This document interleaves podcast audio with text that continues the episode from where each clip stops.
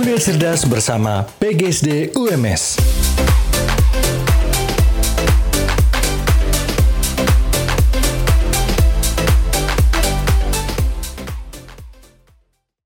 Assalamualaikum warahmatullahi wabarakatuh. Kembali podcast kuliah cerdas bersama PGSD UMS Bisa kamu simak. Dan kali ini ada Akbar Ashari Yang akan menemani semuanya untuk menyimak podcast kuliah cerdas bersama PGSD UMS Dan kali ini kita akan membahas mengenai keterampilan bersastra. Khususnya yang bakal dibahas adalah puisi. Nah keterampilan bersastra puisi itu. Tapi Akbar tidak sendiri karena akan ada narasumber yang hadir menemani Akbar di podcast Kuliah Cerdas bersama PGSD UMS. Tapi sebelumnya kita akan simak satu buah lagu berikut ini.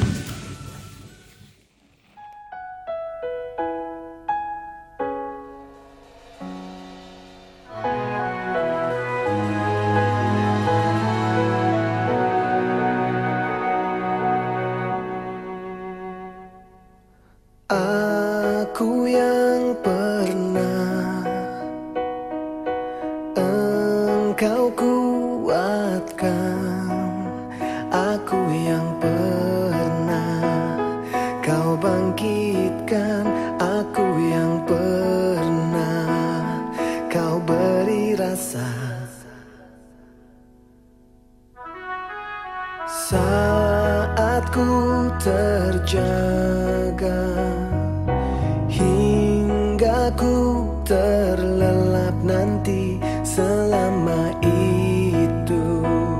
Aku akan selalu mengingatmu.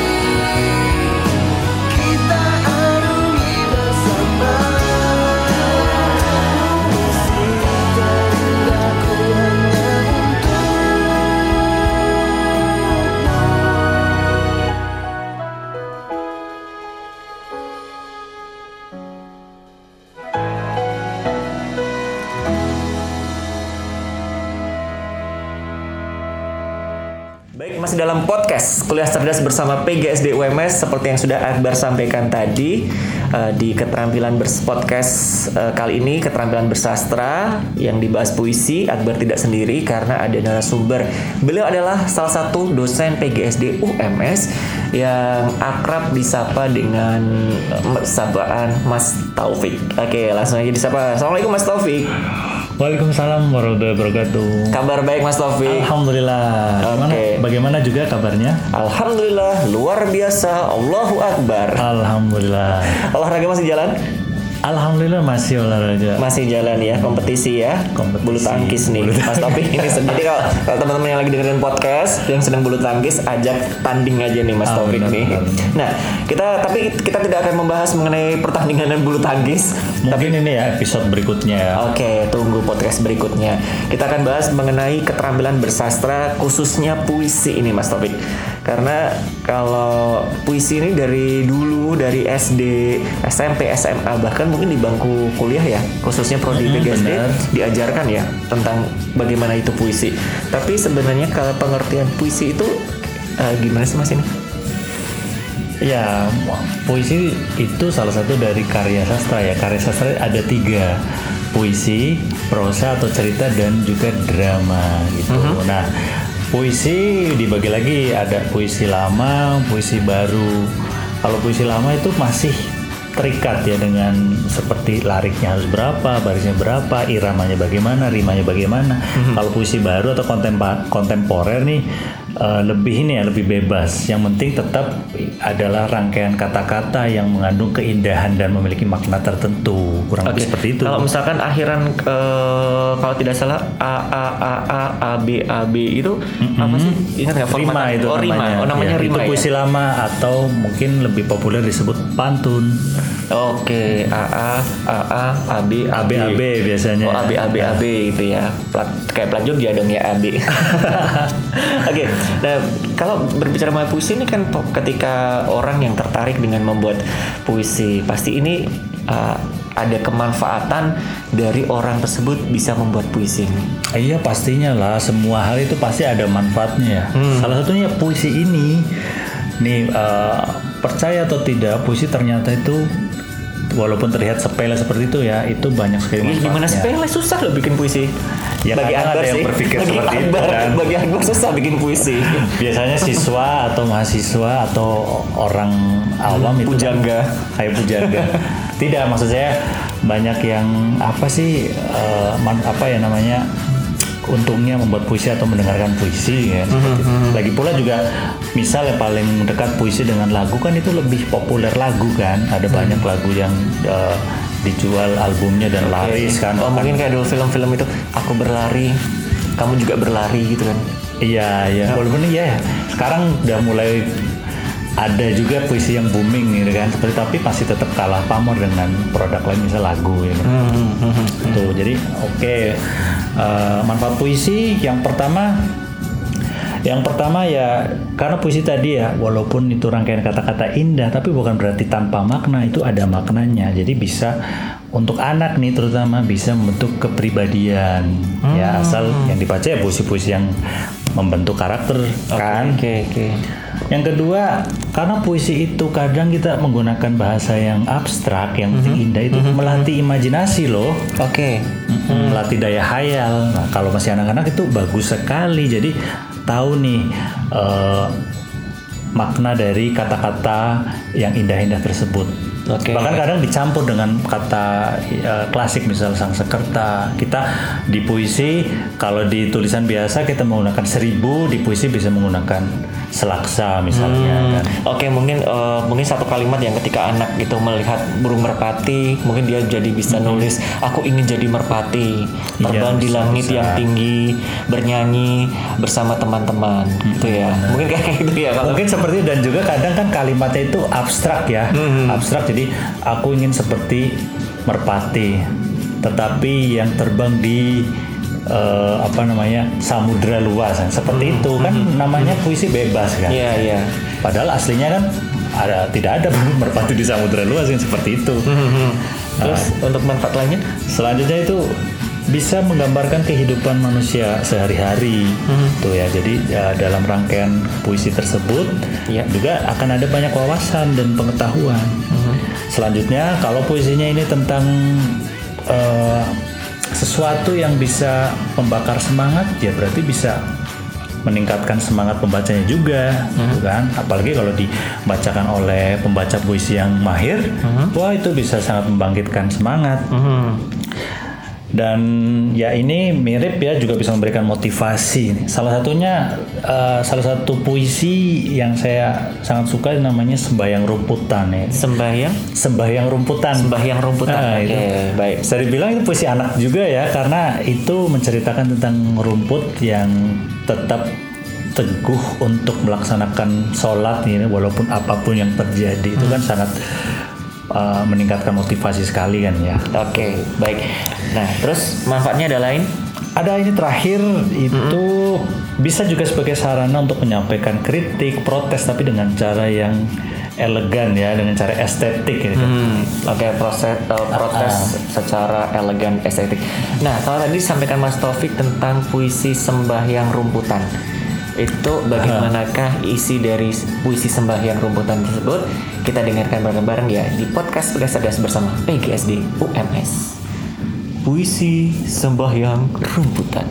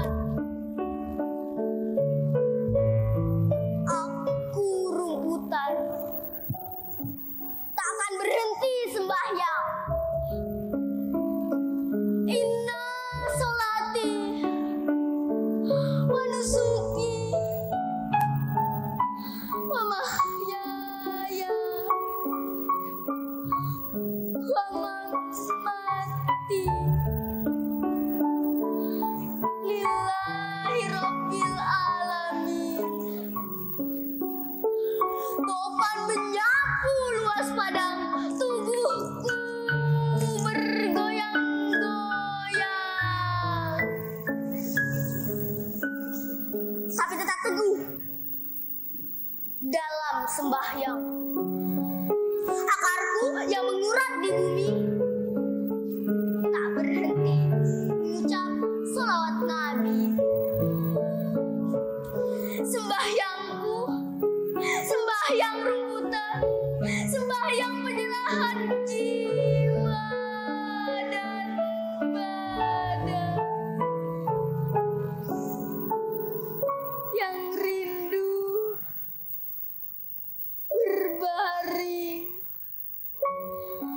pangkuan Tuhan.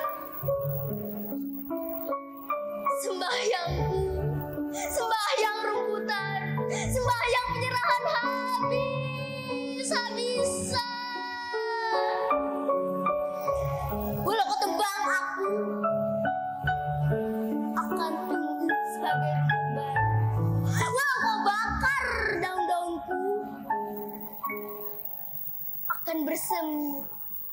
me.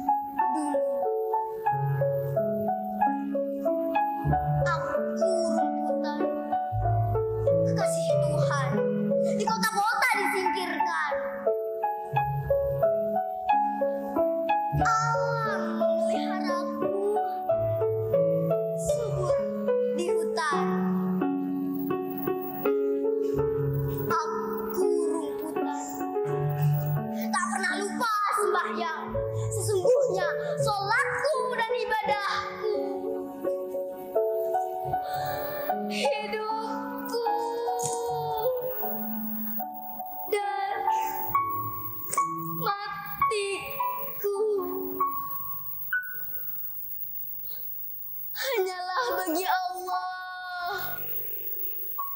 Tuhan sekalian alam. Pada kambing dan kerbau daun-daun hijau ku persembahkan pada tanah akar ku pertahankan agar tak kehilangan asal keberadaan. Di bumi terendah aku berada, tapi zikirku menggema menggetarkan jagat raya.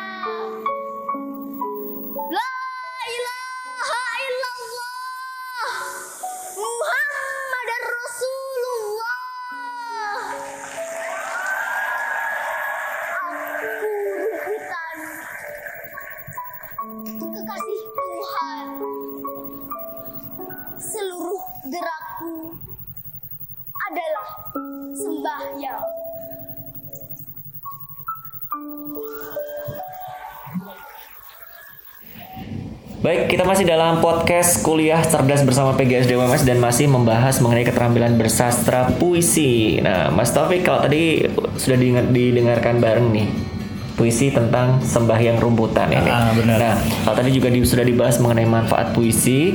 Sekarang eh, tentu saja eh, ada manfaat, ada tujuannya nih tentunya nih dalam puisi nih. Mungkin nggak sih ada benar. tujuannya dari puisi itu? Biasanya kan ada ada manfaat dan tujuan nih. Ya, kalau ya. dalam puisi ini sebenarnya ada ada nggak puisi itu tujuannya tuh apa untuk apa sih sebenarnya gitu? Jadi itu kata-kata itu kenapa dirangkai sedemikian rupa supaya indah itu kan? Ya pasti ada tujuannya ya. Yang pasti ada dua tujuan ya bagi penyairnya dan juga bagi pembacanya, penikmat puisinya kan.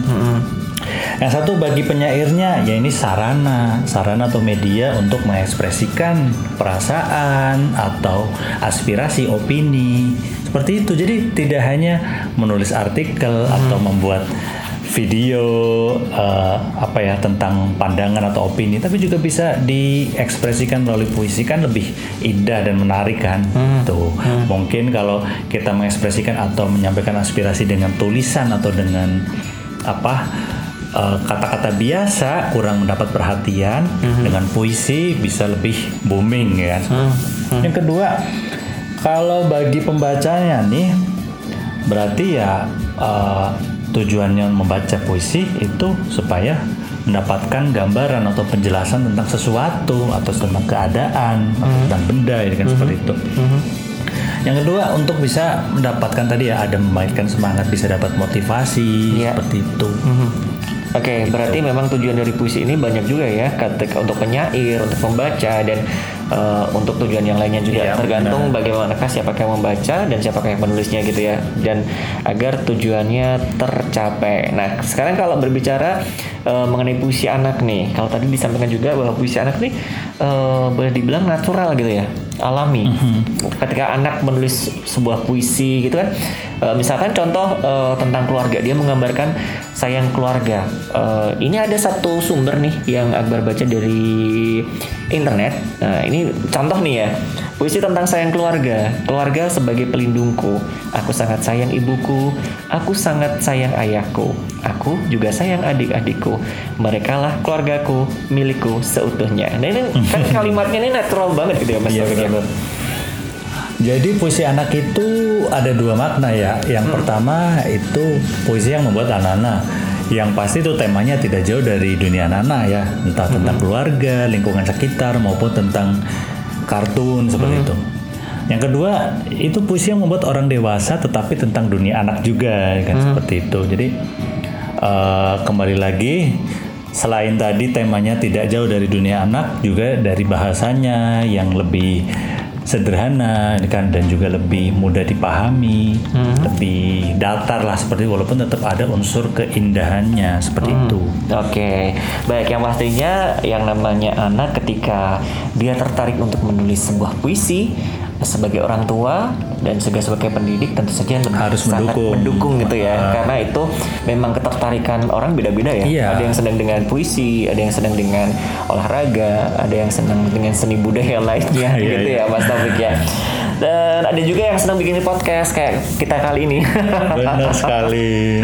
tapi kita nggak bisa berlama-lama tapi terima kasih banyak yang sudah menyimak podcast tentang keterampilan bersastra khususnya kita bahas puisi dalam kuliah cerdas bersama PGSD UMS terima kasih banyak Mas Taufik sudah sama-sama. berbagi ilmunya nih tentang keterampilan bersastra puisi. Dan jangan lupa untuk menyimak podcast podcast seri yang lainnya. Terima kasih banyak Akbar Asari undur diri mewakili tim yang bertugas Assalamualaikum warahmatullahi wabarakatuh.